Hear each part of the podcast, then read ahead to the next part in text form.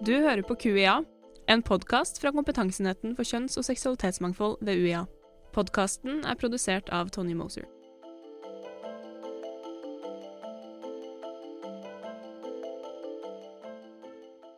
I denne episoden møter vi Kristine Harstad Schuff. Vi skal bl.a. snakke om patriarkatet, heteronormativitet, kjønns- og relasjonsmangfold, og om hvor viktig det er å gjøre handlinger ut av ord.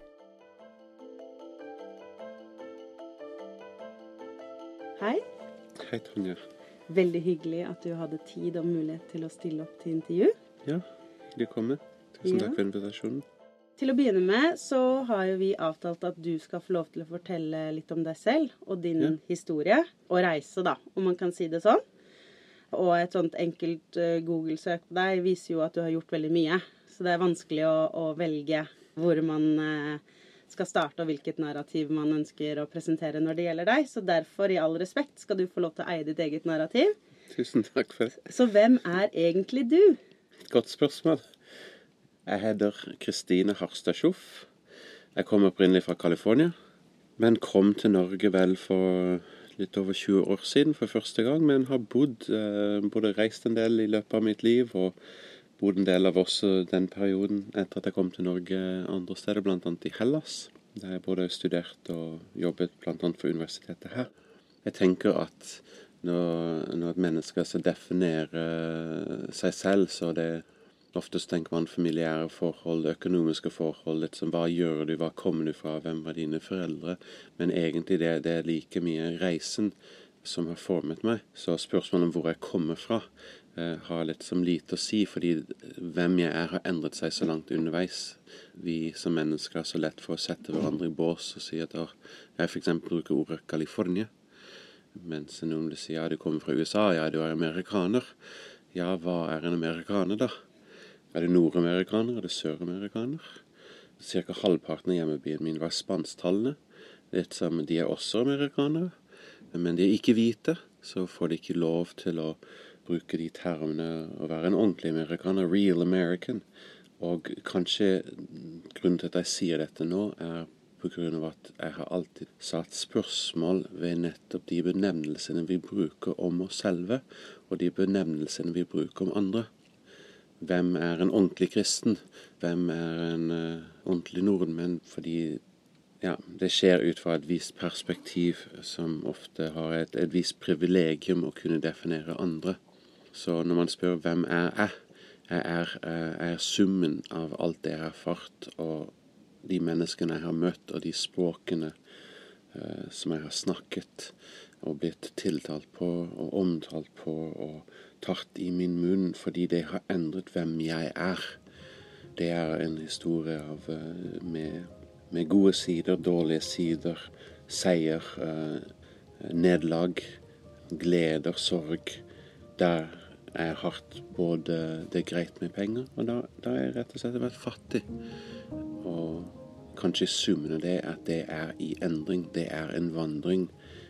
Og i den vandringen på å finne seg selv, så er et menneske et annet fra dag til dag. Og en av mine låter som jeg skrev for mange år siden, på 2003, det står I've been around, and one thing I found, I know a lot less than I think I used to know. Og det jeg sier til deg nå, det jeg tror at jeg vet nå, er noe om fem minutter, eller om 50 minutter eller fem år, vil være forskjellig. Så hvem jeg er, ja jeg vet ikke om det var noen svar i det hele tatt.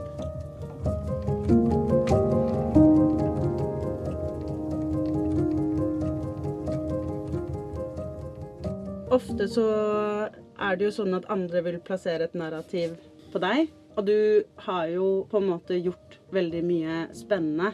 Men hvis man googler deg, da, så ser man uh, mye forskjellig. Hva vil, vil, du si noe om det som popper opp på Google? Hvordan det gjør at du blir plassert? Ja, det, det, ja et par ganger i året i hvert fall så googler jeg meg selv. Det må jeg innrømme. Litt å se ok, hva som står der ute, for det er ikke alt man har kontroll over. Jeg nylig oppdaget og måtte bare nesten le meg i hjel av uh, at på et eller annet sånn celebrity income et eller annet, så var jeg hadde en verdi på flere millioner dollar. De som kjenner meg, vet at ikke det stemmer i det hele tatt. Eh, det er litt som, Det hadde vært fint. Men, men, det er nettopp det jeg tenker det har vært så vanskelig å plassere meg. Fordi det er litt som Er dette en musiker? Eh, de var prest, er en teolog. Eh, de kunstner, de skriver. De er aktivist. Og så har det vært slik at jeg har aldri tatt bare den ene hatten på meg. Eller jeg mener at ikke man egentlig trenger å ta forskjellige hatter på seg, fordi alle er så sammensatt. Jeg tenker i utgangspunkt når man tenker at man har forskjellige hatter på seg, så det er unødvendig. Fordi alle har forskjellige roller, og det har med den konteksten jeg er i. Eh, og noen ganger så uttrykker jeg meg gjennom musikk, og andre gang gjennom en sånn eh, voldsom kunstinstallasjon. Og andre gangen gjennom et lite dikt som er ferdig på 30 sekunder. Og hva som kommer til uttrykk til enhver tid, er en refleksjon av kanskje der jeg er, og at jeg vet at jeg har forskjellige redskap. Så på den ene siden så er det ikke så nøye for meg hva jeg det først og fremst er menneske. Og så har jeg disse forskjellige uttrykksformer som er kanskje for noen uvanlig å kombinere. For det er ikke bare liksom en teolog eh, eller en aktivist eller en kunstner, billedkunstner eller musiker. er alt sammen sammen. Og jeg tenker det er også derfor det har på en måte vært vanskelig for folk å nettopp plassere meg. Hva jeg er, eller hvem jeg er. Eh, men det har jeg pekt på gang på gang på gang gjennom livet, at, at vi er stadig i endring, og embrace it.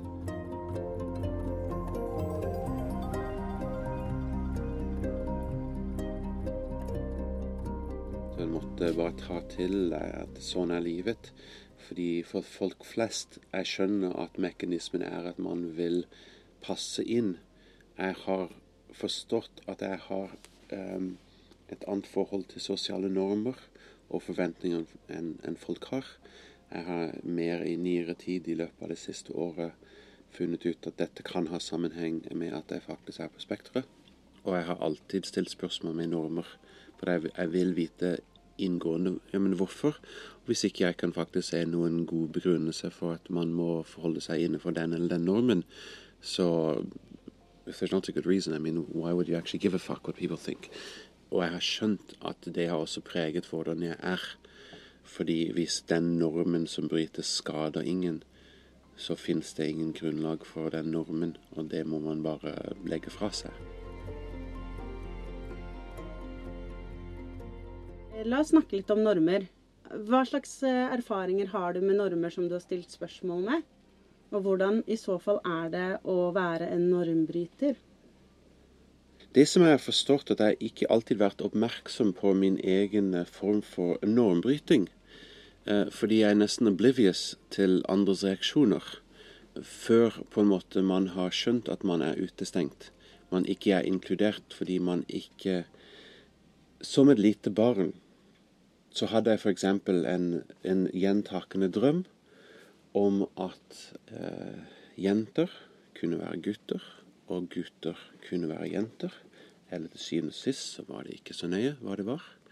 Dette var noe som jeg hadde som barn. Jeg hadde ingen ideer om kjønnsteorier eller noen ting. Og jeg kunne ikke forstå hvorfor man ikke kunne bruke andre uttrykk enn det som var forventet å bruke. Men jeg vokste opp i en sekt der ikke dette var tillatt. Så man skjønner gjennom avstraffelse at ikke noe er tillatt. Men å si at et klesplagg i seg selv, å bruke et annet klesplagg som ikke er forventet ut ifra det kjønnet som man får tilvelt ved fødsel, eh, er en synd eller galt. Eh, det er bare ett av mange spørsmål jeg, har gjort meg. Fordi hvis vi skulle kle oss opp også i denne sekten og ha litt som juleforestilling, så gikk mennene med kjole. Ja, we just called it a robe.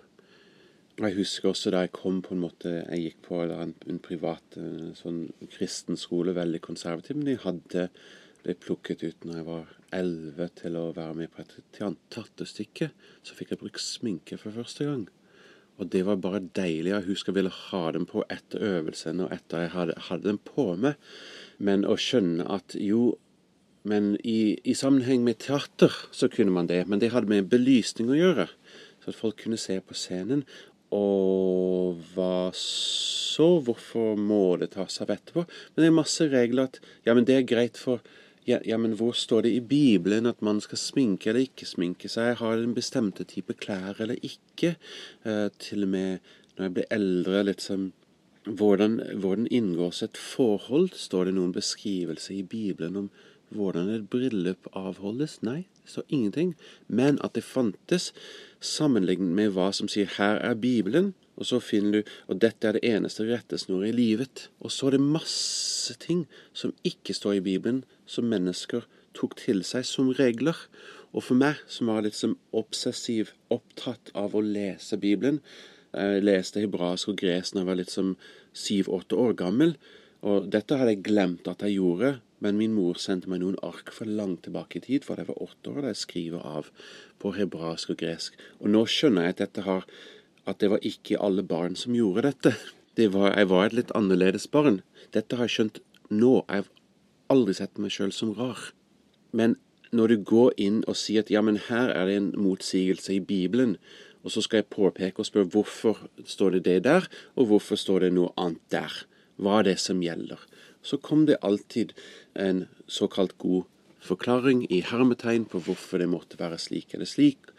Og så litt sånn, ja, men da tolker dere. Men til syvende og sist, når du ser at det finnes masse regler som ikke har et grunnlag i det som de sier er det eneste rettesnoret for, for liv og lære, Bibelen altså, så setter du spørsmål med det. Og for meg var det en ren nysgjerrighet å, å være oppmerksom på um, selvmotsigelsene i Bibelen og stille spørsmål ved det. Så om det gjaldt bare et rent historisk faktum som kom fram i Bibelen, i hermetegn historisk faktum, eller om det handlet om kjønnsroller uh, i Bibelen Når du setter spørsmål ved det, så blir du ansett for å bare være rebelsk eller vil skape oppmerksomhet, eller istedenfor at man har faktisk stilt uh, relevante spørsmål. Og det har jeg skjønt i ettertid, at jeg ble sett på som rebelsk på feil grunnlag. Fordi å stille spørsmål ved noe som ikke stemmer, er ikke noen grunn til å stenge et annet menneske ute. Senere, mange år seinere kunne jeg endelig si at ja, jeg faktisk ble mobbet pga. at jeg var såpass annerledes. Og igjen jeg har nå skjønt at mye av dette henger sammen med hvordan min hjerne fungerer i forhold til dette med å være på spekteret, der jeg faktisk bryr meg fint lite om hva andre måtte mene om meg, egentlig. Man det er jo en superressurs, kanskje? da? Ja, det er også en, det er en, styrke. Men det samme på denne konservative skolen, da vi på en måte de snakket om Gud og Manifest Destiny i USA. Gud hadde gitt på en måte dette til, til eh, de hvite. Mm. Gud hadde gitt denne nasjonen til amerikanerne. Eh, og så Samtidig, når jeg var i fjerde klasse, så ble jeg målt at jeg kunne lese på universitetsnivå. Jeg hadde ikke TV, hadde ikke hørt ikke på ukristne ting på radio eller noen ting, men jeg leste ei eller flere bøker om dagen. Jeg leste hele leksikon. Jeg skjønte nå i ettertid OK, det er ikke alle som gjør dette. Men det var litt som Ja, men det var, det var massakrer som skjedde. Hvordan kan det være Guds vilje at massakre skjedde mot uh, the Native Americans, de innfødte der? Og så blir jeg sendt til rektor. Og alt jeg har gjort, er stilt spørsmål ved det narrativet eh, som tolvåring.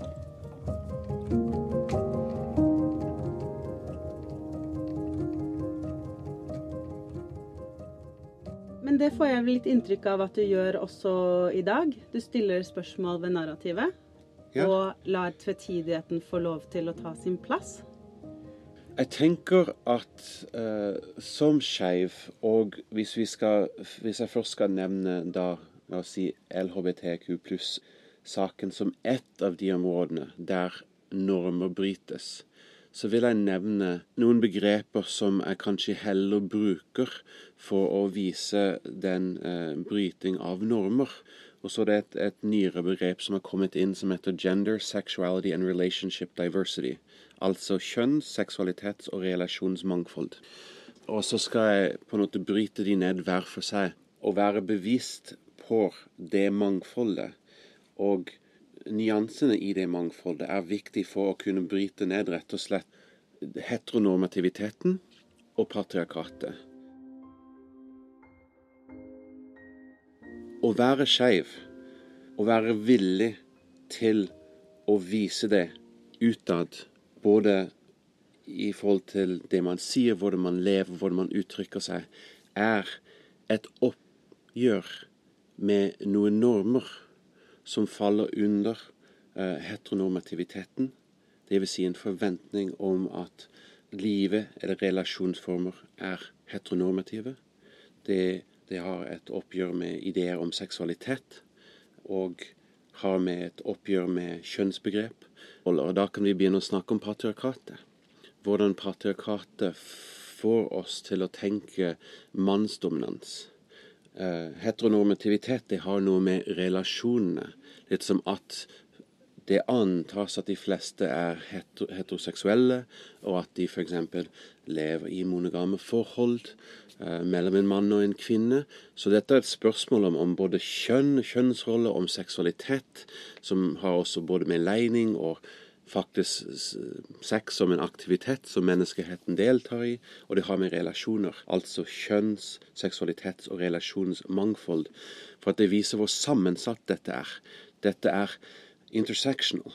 For det er flere sider av å bryte en norm. Hvis noen er cis-kjønnet, de altså identifiserer med det kjønnet de ble tilvalgt ved, fødsel, det er én ting, men å si at ja, men jeg opplever et annet kjønn, så har du allerede Jeg opplever at jeg er kvinne, selv om jeg ble tildelt et annet kjønn ved fødsel. Eh, det har med kjønnsidentitet. Og da, ved å bare si det, har man skapt en, en slags revolusjon i seg selv, fordi det bryter en, en norm om hvordan kjønn er.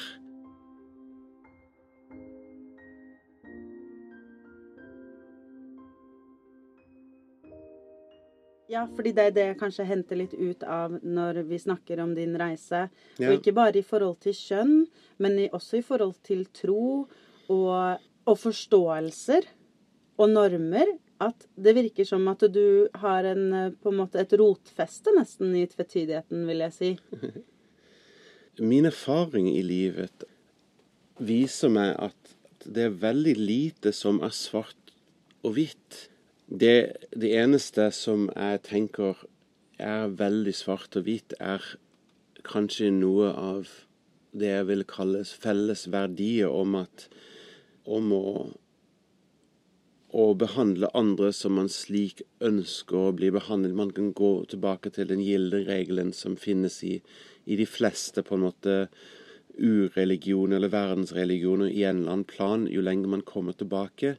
Men ellers så er det så mye tvetydighet og gråsoner i, i ganske mye i livet. Og det, det, kan være historisk, fordi hvordan jeg tolker noe historisk i dag, er ikke nødvendigvis et, et, uttrykk for hvordan de som levde der og da, som jeg tolker, ville tolke seg selv. Å kunne sette spørsmålstegn ved de begrepene som vi bruker i dag. Det kan være fint f.eks. kjønnsbegrep. Det kan på mange måter være fint at folk kan ta til seg og eie eh, kjønnsbegrep. Men vi vet historisk sett at det fantes flere enn to kjønn, har blitt levd ut i samfunn eh, overalt i verden opp igjennom, uten at de nødvendigvis hadde begrep for dette. Men det ble bare i praksis levd. Og på noen måter så kan vi tenke var de friere? For at vi liker å tenke på oss selve moderne mennesker, som frie og utdannede. Og, og så, mens vi på en måte forskning akademisk messig kan sette disse begrepene der, og det kan hjelpe folk å også sette ord på hvem de er i dag, er det veldig vanskelig å ta de og prøve å sette våre rammer og vår forståelsesverden tilbake på ting som skjedde for 500 eller 5000 år siden eller 10 000 år siden. Og det samme vil skje. Jeg tenker at om 500 år så vil de le av de, hvor lite vi viste i dag. At man må komme ut i dag, er bare et tegn at vi lever i et samfunn med masse rammer som trengs fortsatt å brytes. Fordi egentlig, hva gjør det et annet menneske om hvem jeg har sex med, hvilket kjønn de har, eller hvilket kjønn jeg har? Og så har vi disse her coming out-ritualer som vi gjør, og det er en kamp men man vil håpe i framtida at det vil ikke være noe behov for dette. Og så mange de, de begrepene som vi har i dag, som har hatt sin funksjon i dag for å kunne si 'jeg er dette'. Jeg vil håpe at om noen hundre år så kunne vi legge dem fra oss. At et menneske kunne bare være slik de var, bruke de klærne de ville, og mellom myndige, eh, samtykkende mennesker har de forholdene som de har. Og ikke nødvendigvis monogame forhold. Det er ting mellom myndige, samtykkende mennesker. De kan leve i forhold som er utenom monogamien. De kan være aromans, kanskje ha ingen forhold, og det må være like greit. Eller har de flere, og kanskje er det noen som har et åpent forhold. Eller noen som har et, en sånn ordnet form for ikke-monogami, polyamori. Forhåpentligvis det er de begrensningene, dette samfunnet, de tabuene, som holder oss innenfor noen enkle rammer, som sier at vi skal være heterofile, vi skal være cis, og vi skal være monogame. Det, det, det er helt meningsløst.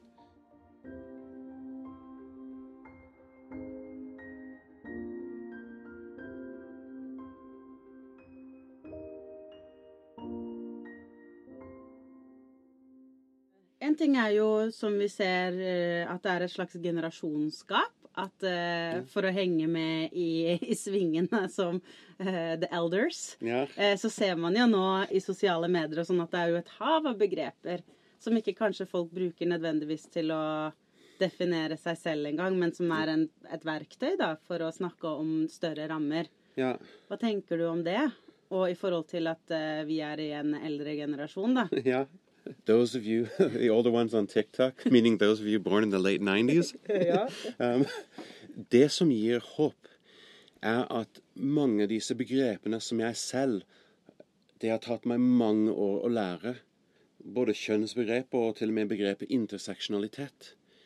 Det som jeg er så glad for med utvikling av, av begreper rundt eh, kjønn og seks, seksualitet og relasjonsformer, er at i dag det er et større plattform at, eh, Man kan si det er mer fargerikt, men de yngre generasjonene i dag kan ta ting for gitt som de eldre generasjonene måtte kjempe for å forstå i det hele tatt. Og det som har tatt også meg mange år å skjønne, la oss si interseksjonalitet, eh, hvordan eh, rasisme, kolonialisme, eh, undertrykkelse av kjønnsmangfold eller seksualitetsmangfold Det har tatt årevis å, å, å forstå at dette eksisterer. Og mange i vår generasjon i dag, eller eldre, de trenger store, lange forklaringer for å skjønne dette. Og mitt håp er at den yngre generasjonen ser en meme på sosiale medier, noen slides på Instagram om interseksjonalitet, og så skjønner de hva det betyr. Fordi de har et begrepsapparatus som ingen av oss hadde. Og det er jeg så glad for, fordi om 20 år har de satt seg inn, og de forstår, til og med om de er hvite, that they have white privilege. Og faktisk forstå at det, det er noe som er patriarkatet. Et patriarkalt verdenssyn som egentlig styrer hvordan vi ser verden. Og hver gang dette bare kommer fram, og man kan snakke om det, istedenfor motstand mot critical race theory, og faktisk si at ja, men det er kolonialismen, det er undertrykkelse som skjer. Vi må kunne sette ord på det. Mens i, jeg som ungdom satte spørsmål ved at de massakrene som er utført på de innfødte i USA, så ble jeg sett på som rebelsk. Men i dag, de yngre generasjonen vet at there have been Native American genocides. Og, og dette har de forstått uh, uten at de må kjempe for å bare få lov til å si det en gang. Og det er håpet. At de kan ta med seg dette videre. Om 20 år så er alle disse her white cis folk som styrer store deler av den politiske og forretningsmessige verden, de har pensjonert seg. Så kommer det nye generasjoner som har, som skal kunne gjøre noe ut ifra disse begrepene, denne forståelsen av verden, og si at vi skal skape en verden som er åpen for alle, som tar hensyn til at mennesker faktisk har blitt både undertrykt i så lang tid, at de faktisk ser det istedenfor både overse det noen ganger, bevisst eller ubevisst, og mange ganger fornekte i det hele tatt at det, det noen gang har skjedd.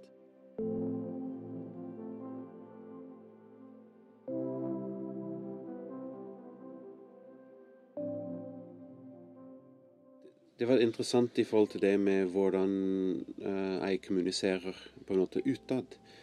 Uh, og dette har ting med generasjon og hva slags plattform som de forskjellige generasjonene er på. Uh, når jeg var yngre, så tenkte jeg ja, ja, jeg skriver masse dikt og forskjellige tekster, og dette blir til bøker. Men når du forstår at de fleste yngre menneskene i dag, de kommer ikke til å gå og kjøpe noen diktbøker. Men de kommer til å se en uh, meme, en slide som er et dikt, eller en video på 30 sekunder. Og, og det er litt som når du prøver å også nå ut til forskjellige generasjoner, så må du bevist bruke litt forskjellige midler. Og det er blant annet derfor, og også i musikken min, når jeg aldri har hatt noen sjanger Jeg har brukt den sjangeren som jeg har tenkt som er passet til det forskjellige publikum som er. Og det betyr at jeg har på en måte rap-utgivelser. Det som på norsk og på engelsk som jeg tenker dette er, som er en video til de yngre generasjonene. Og på andre så er det litt så mer vakker og eh, musikk, men, men, alle de uttrykksformene Det er både fordi for meg er det forskjellige måter å uttrykke på en måte Der uttrykker jeg rett og slett sinne, og her uttrykker jeg undring. Og her uttrykker jeg på en måte kjærlighetshistorie. Jeg tenker alle mennesker har dette i seg på en måte, men når du er driver med kunst eh, som artist eller billedkunstner, så ofte vil eh, samfunnet igjen, akkurat som vi har snakket om kjønn og seksualitet og, og roller og sånt, så, så, vil de si at ah, dette er en, en eh, klassisk sanger. Eh, dette er en, De har dedikert sitt liv til operasang, eller de er en sånn klassiske bildekunstner som følger de og de tradisjonene. Og for meg jeg har alltid nektet å si at jeg, jeg fatter meg selv som, som, kunstner, men det er ikke bare den ene eller den andre formen. Fordi alle de formene lever i meg. Og hvis jeg vil prøve ut en ny teknikk, så gjør jeg det. Budskapet i det jeg gjør, er det samme uansett uttrykksform. Til syvende og sist så handler det om rettferdighet. Til syvende og sist så handler det om nestekjærlighet. Og til syvende og sist så handler det om å se deg selv i den andre, og den andre i deg selv. For at hvis vi greier å på en måte anskue verden på den måten at dette, den urettferdighet som skjer den andre, kunne ha skjedd meg, bare i en annen tid og i en annen kontekst, og i morgen eller om seks måneder eller ti år, så kan det være at det er vi som er flyktninger, og ikke for å være noen litt som dommedagsprofet eh, på noen måte, men, men, men, det er slik verdens gang går. Og når vi er så navlebeskuende at vi ikke ser ut, utover bygda vår, og det er kanskje mye av min kunst egentlig har en kritikk av navlebeskuelse, nå at jeg først har sagt det. Det er litt som opp det er liksom løft øynene, se utover din lille verden. Se hvordan dine handlinger, dine fordommer påvirker andre. Se hva du kan gjøre, både lokalt og i et større sammenheng, om det er nasjonalt eller internasjonalt. Se hvordan ditt liv påvirker andre, se hvordan andre påvirker deg, og gjøre noe med det. Fordi vi lever i en verden som er ja, patriarkalsk, heteronormativ, kapitalistisk, som fører til store forskjeller. Å skape refleksjon over det er så viktig for meg. Og om det er i en rap, eller i et, et vakkert maleri, eller i et kort lite dikt som er lagt ut på Instagram, at det er samme budskap. Og det er å skape refleksjon rundt livet, eh, rundt våre verdier, rundt uh, hvor vi egentlig står. Og er vårt ståsted, er våre holdninger i samsvar med, med våre handlinger.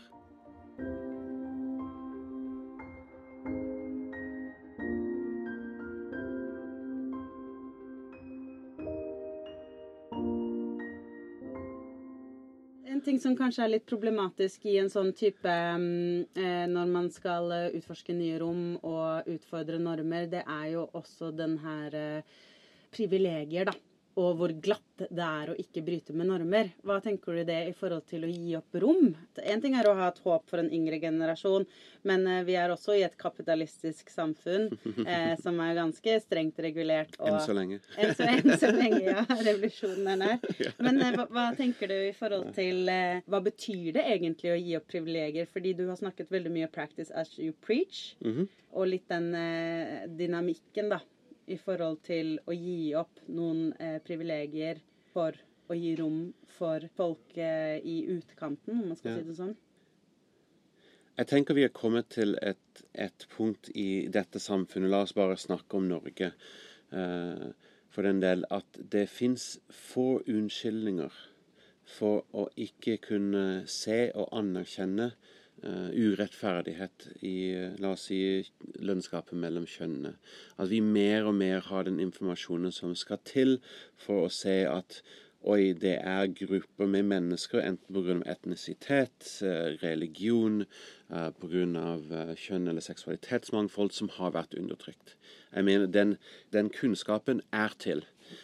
Det er få som jeg tror med god samvittighet vil kunne si at ikke de vet dette. Men det andre spørsmålet er hvordan går vi fra å vite noe, ha kunnskap om noe, til å, uh, å bestemme oss hvordan vi skal forholde oss til det? Betyr det at vi må uh, endre noen ting i forhold til samfunnsordning? Eller i forhold til hvordan dette kommer fram i de historiebøkene og i, på skolen? Hvordan skal vi snakke om det? Hva slags uh, holdninger skal vi ha rundt dette, og hva slags handlinger. Og det er kanskje en av de tingene som jeg syns er ofte kritikkverdig, er at mange ofte begynner med riktige ord. De sier at vi har en holdningskampanje. Og det er kjempebra at vi har holdningskampanje. At vi endrer våre holdninger, vi tar den kunnskapen og gjør noe med hvordan vi tenker om noe. Men hvis ikke holdning henger sammen med handling, så er det ingen vits, rett og slett. Vi kan si, og har visst i mange, mange, mange tiår om dette, og vi har gått i 8. mars-tog, og det har blitt forsket på. Men hvis ingenting skjer, hvis ingen konkrete tiltak skjer, hvis ingen handling skjer som fører til at lønnene blir like, at det blir lik lønn for likt arbeid, så kan jeg bare, du bare dritte det. Jeg kan bare dritte i at du har sagt riktig ord, at vi er for likestilling og mangfold. Bullshit, det er fariseisk. Og det er nettopp det å faktisk kunne se i seg selv. Hvordan er jeg med på å opprettholde forskjellssamfunnet? For det er folk som har riktige holdninger, som allikevel ikke tilsetter kvinner i lederstilling, eller ikke ansetter noen pga. deres mørke hud. Og de kan ikke si det. Kan de bevise at det er sånt? Jo, til en viss grad. Det du kan se er utfallet av det som har skjedd, når vi ser at færre med innvandringsbakgrunn kommer i stillinger tross på at de er kvalifiserte eller overkvalifiserte eller blir kalt til intervju i det hele tatt, da ser vi at dette faktisk er en form for rasisme. Eh, at ikke kvinner ansettes i lederstillingene, det er en form for misogyny. Det er kvinneforakt. Og det er vi er med på det. Vi kan ikke bare si at ikke vi er med som et samfunn på dette. Vi har en utrolig fin lov som heter likestillingsloven. Og loven i seg selv, vil jeg si, er riktig. Problemet er gjennomføringen av loven. Fordi mennesker fortsatt den dag i dag, tross i alt det står om riktige tiltak, hvis ikke de tiltakene implementeres slik at inkludering faktisk skjer, slik at vi hindrer eh, diskriminering, så, så, er vi tilbake på, på, startstedet, på en måte. Da, det, det, da betyr det veldig lite at, at vi har riktig regelverk hvis, hvis ikke det settes ut i livet.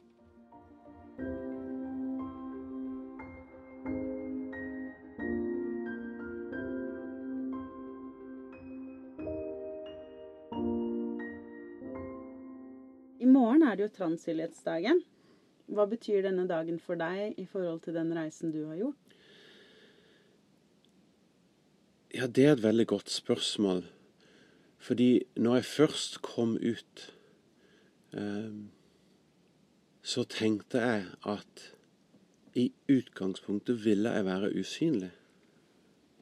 Og jeg har skjønt i etterkant at dette har hatt mye med forventninger til kjønnsroller, um, la oss si instrukser fra andre om i forhold til hvordan jeg skulle være som, uh, som kvinne.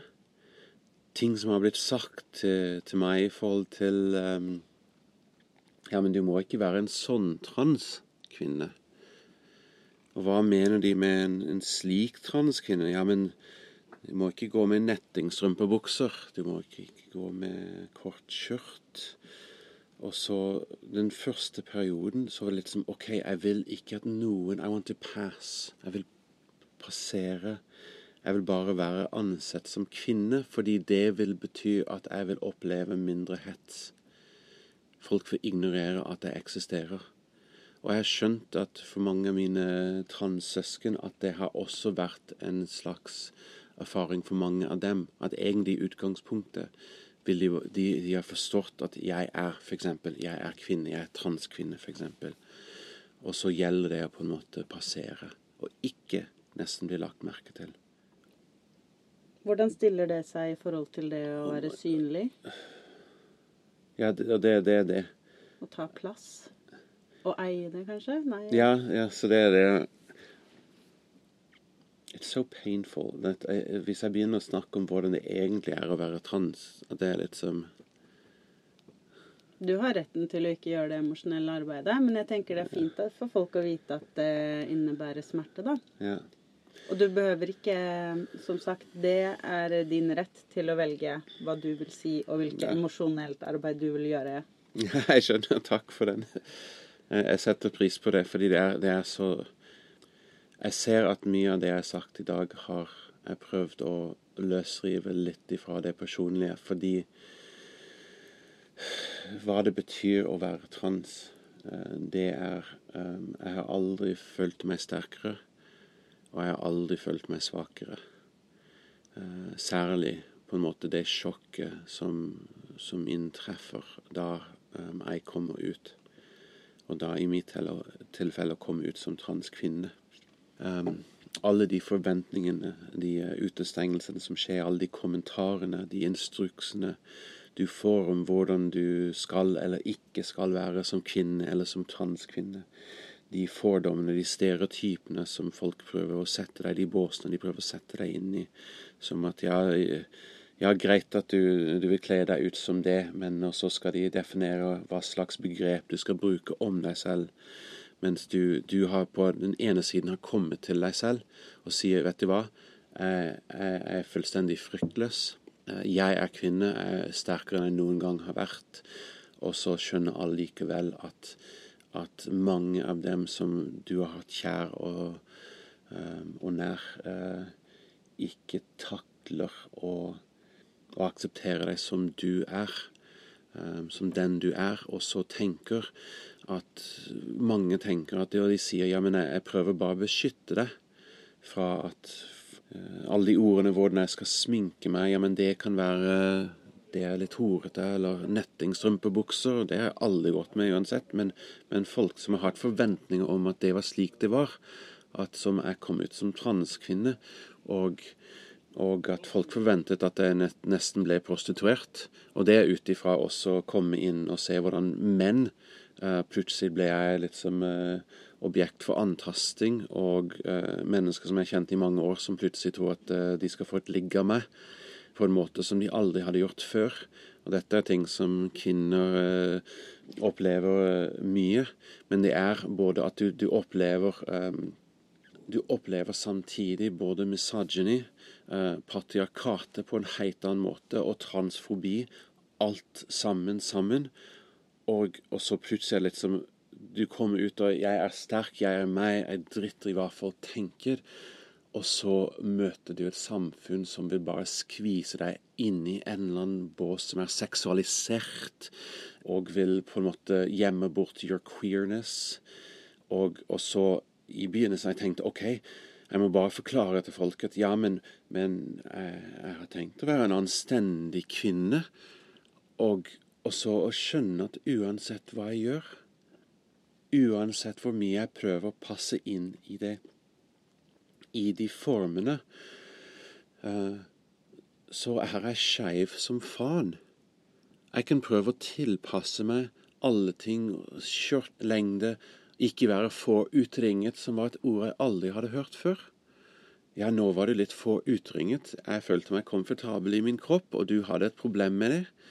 Uh, skal jeg tilpasse meg andres forventninger, hvor, hvor utringet jeg skal være, hvor, hvor, hva slags klær jeg skal ha? Og så var det på den ene siden og litt som Nå vil jeg være invisible, inkognito. Jeg vil komme ut som trans, men så være inkognito. Jeg vekk, tok vekk alle sosiale medier. Jeg skal ikke gjøre, gjøre noe stort ut av at jeg er trans. Og så var det den utviklingen Vet du hva? Jeg er trans. Jeg er transkvinne, og jeg er stolt transkvinne. Og når jeg kan eie det, så er det, er det Selv om jeg har følt meg fri før, er det på en måte Vet du hva? I cannot hide my queerness no matter what I do. Jeg kan ikke gjemme bort den skeivheten. Og om noen velger, og jeg forstår hvorfor mennesker velger å prøve å passe inn selv om de er skeive, det er ikke på grunn av dem, men det er av et samfunn som tvinger dem inn i disse båsene. Og av og til tar man valg for å si vet du hva, jeg vil gjøre min hverdag enklere. Jeg skal prøve å se så lite skeiv ut som mulig. Det er akkurat det med at fordi det å, å være synlig skeiv, det er Folk møter kritikk for det og sier 'Å, du skal bare være Du skal være så edgy'. Du skal liksom og, og da brukes det på en måte å delegitimere Delegitimere deres uttrykk. Deres frihet. Og egentlig i utgangspunkt Det er egentlig noen av de viktigste verdiene for meg, er, er det menneskelige frihet til å være den jeg selv er. Og i den grad det ikke skader andre mennesker, så fins det ingen begrensninger for den friheten.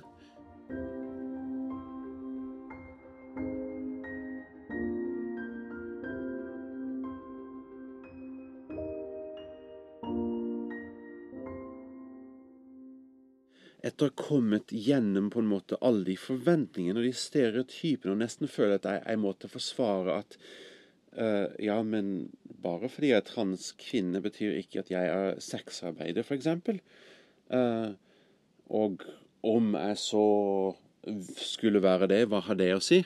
Og så er det nettopp det at folk tenker transkvinner og setter likhetstegn mellom det og f.eks. sexarbeider, og samtidig ha fullstendig manglende kunnskap på hvorfor mange transkvinner ender opp med kanskje å jobbe som sexarbeidere pga. den utestengelsen, den manglende tilgang til arbeid ellers i samfunnet, fordi de blir kastet ut på gata. Og så egentlig å ha medfølelse med at hvordan det er. Det, men det er ikke medfølelsen. Det fører ingenting med seg. Vi må skape et samfunn der et menneske som kommer ut som transkvinner, ikke blir utestengt pga. deres kjønns- eller kjønnsuttrykk fra tilgang til arbeid, til å leve et vanlig liv. Og det er nettopp det å gå fra de stereotypene, de båsene, og skjønne at egentlig vi mennesker ønsker å leve et fredfullt og greit liv, men vi har et samfunn som tvinger oss inn i, i en økonomisk klasse som holder oss nede pga. vårt kjønnsuttrykk. Hvis du ser på forskning og statistikken på hvor mange som er utenfor arbeidslivet, enten pga. Av, av, av skeivhet, men særlig da utsatt uh, grupper Vi ser uh, både bifile og transpersoner som, som, holdes utenfor. Og det vil si at vi har tatt vekk muligheter, ikke fordi de ikke er faglig dyktige, ikke fordi de er gode medarbeidere, men fordi vi faktisk pga. våre egne for, fordommer har holdt dem utenfor.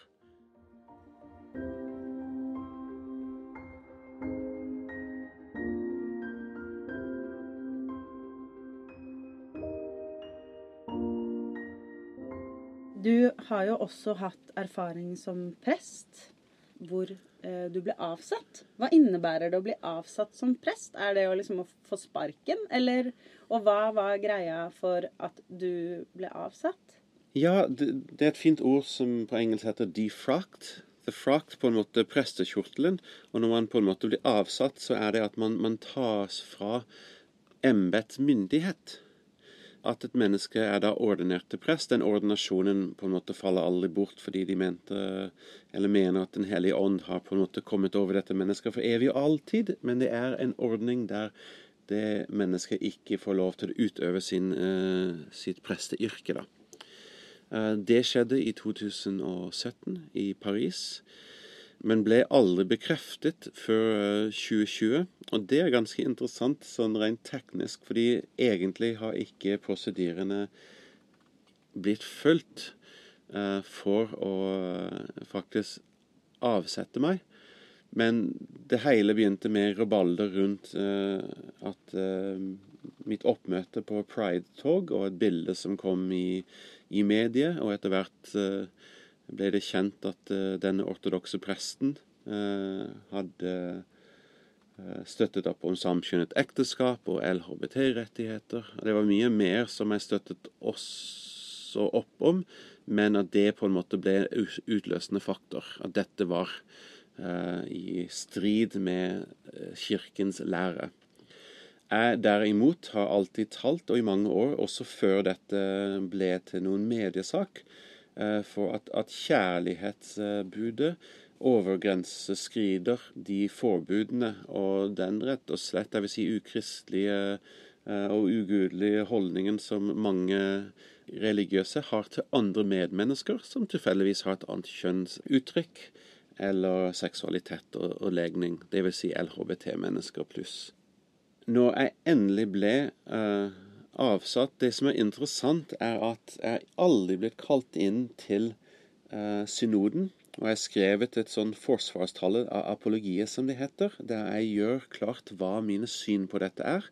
Og jeg ber Kirken, altså på det tidspunktet synoden, denne bispeforsamlingen i Konstantinopel-patriarkatet, om å komme med et svar på hvorfor det jeg skriver, er feil.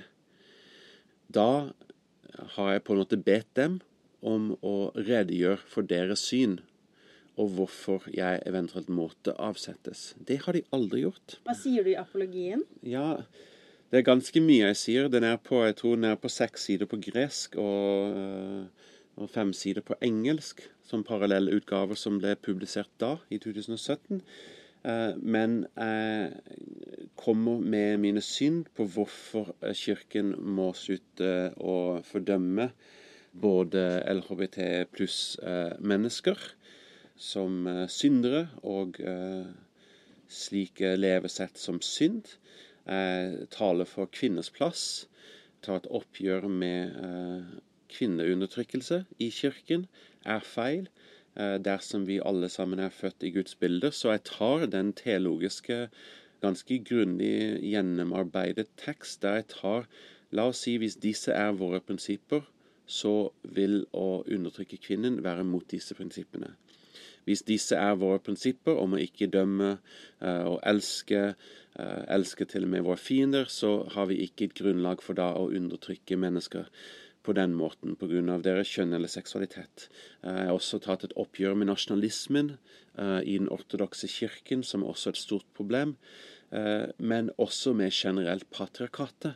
For det er patriarkatet ikke som bare Konstantinopel-patriarkatet, men patriarkatet som et, et livssyn, rett og slett, om at det er mennene It's a patriarchal worldview. Og det er det som jeg skjønner at mange ikke har forstått, at det er et oppgjør med et verdenssyn, en måte å se verden på, et livssyn, som ut ifra kjærlighetsprinsippet ikke skulle ha vært til, men er patriarkalsk, kvinnefiendtlig, eh, homofobisk og ofte nasjonalistisk og rasistisk, rett og slett.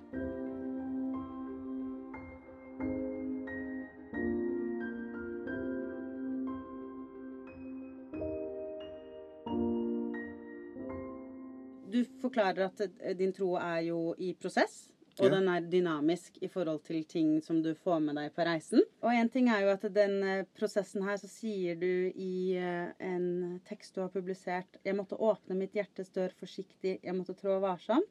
For ikke alle har vært klare for å ta imot det jeg har hatt å si Når man begynner å ta opp temaer som kvinne eller LHBT-rettigheter, kjønn, seksualitet og lignende i konservative sirkler, kan det være litt vanskelig for noen å forene slike fremmede tenkemåter med den overleverte troa man skal være tro mot. Jeg syns det har vært vanskelig å stå i noen kontekster der jeg egentlig vet at om jeg sier noe høyt, så kommer det til å møte motstand. Og så har det vært en slags avregning av hvordan kan jeg uttrykke dette best, slik at andre vil forstå, eller ta tiden til å reflektere og forstår det som sies, uten å stenge den døra. Fordi. For eksempel, i forhold til kvinnerettigheter, når jeg har skrevet og holdt taler rundt at ja, men vi må også stå på barrikadene for lik lønn for likt arbeid, og så vil noen med et konservativt kristent syn si ja, men hva har dette med kristendom å gjøre? Og så har de gått umiddelbart i, i forsvar og stengt den døra. Vi må åpne for at LHBT-mennesker kan leve fullt ut som kristne om det de tror. Så noen vil gå rett i forsvar. Og det er på en måte å finne hva er den beste måten som skaper refleksjon. Fordi jeg kan ikke gi svaret. Men hvis jeg kan skape en refleksjon som åpner en dør, som åpner nye synsvinkler for noen mennesker, er det bedre for dem at det skjer. For noen ganger så vil jeg bare liksom rope ut dere trangsynte, blinde mennesker som ikke skjønner noen ting. Hvordan kan dere Ser dere ikke deres egen liksom diskriminering og fordommer? Og så på den andre siden, hvis man snakker sånt til folk flest, så kommer de til å stenge ned og bare gå i forsvar. Og det er litt som den balansen, og særlig en presterolle. Hvordan skal man på en måte kunne påpeke noe på en kjærlig måte. Og da er et prinsipp om å si sannheten, men med kjærlighet, som kan få mennesker til å reflektere. Hvis man bare på prekestolen framstår som aktivisten, vil mange stenge uansett. Så jeg har som prest i kirken og innad hatt en indre dialog i kirken som har vært annerledes enn den ytre dialogen som jeg også har hatt med samfunnet. At det har vært viktig for meg å på en måte skape refleksjon rundt disse spørsmålene sånn teologisk, personlig innad, og balansere det med å også ha ganske sterke ytre uttrykk rundt dette utad i samfunnet. Når jeg driver med, med kunst og uh, akademiet samtidig, og prøver liksom Hva er den beste måten og plattformen? For noen ganger må du bruke en forklaring, og noen ganger må du bruke en ytring som er så sterk at det skaper en sånn følelsesmessig reaksjon. Og det, det, på en måte kunne det si liksom, Når snakker du til hjernen eller intellektet, og når er det at du snakker til hjertet? Og den balansen strever jeg fortsatt i dag, for noen ganger vil jeg bare ut i gatene og rope og stille opp barrikadene, og andre ganger trenger det å komme gjennom et lite dikt som er ferdig på 30 sekunder. Eller en vakker låt, og få folk til å se skjønnheten i verden, og så kanskje forstår de noe i naturen. Og begge disse uttrykksformene har sin plass. Og jeg føler at når du har nevnt tidligere litt sånn den tvetydigheten Jeg er mellom nettopp den stillferdige og reflekterende. Og det å være virkelig vred på urettferdigheten i verden. Og noen ganger må vi rope. Noen ganger må vi kanskje sette våre egne liv i fare for andres beste. Vi må ofre oss selv på måter som kan være farlige, samtidig som vi må være villige til å omfavne og ha de som har blitt utestengt, de som, som har blitt så nedbrutt av et samfunn som ikke ser og tar imot og elsker dem. Og det er litt som Når er det du kjemper? Og når er det du holder? De som er offer for den urettferdigheten som samfunnet ofte består av. Og av og til er det utestemmen du må bruke, og andre ganger må du hviske. Og jeg vet ikke alltid hva den balansen er. Men begge de på en måte lever i meg. Krigeren og omsorgsperson.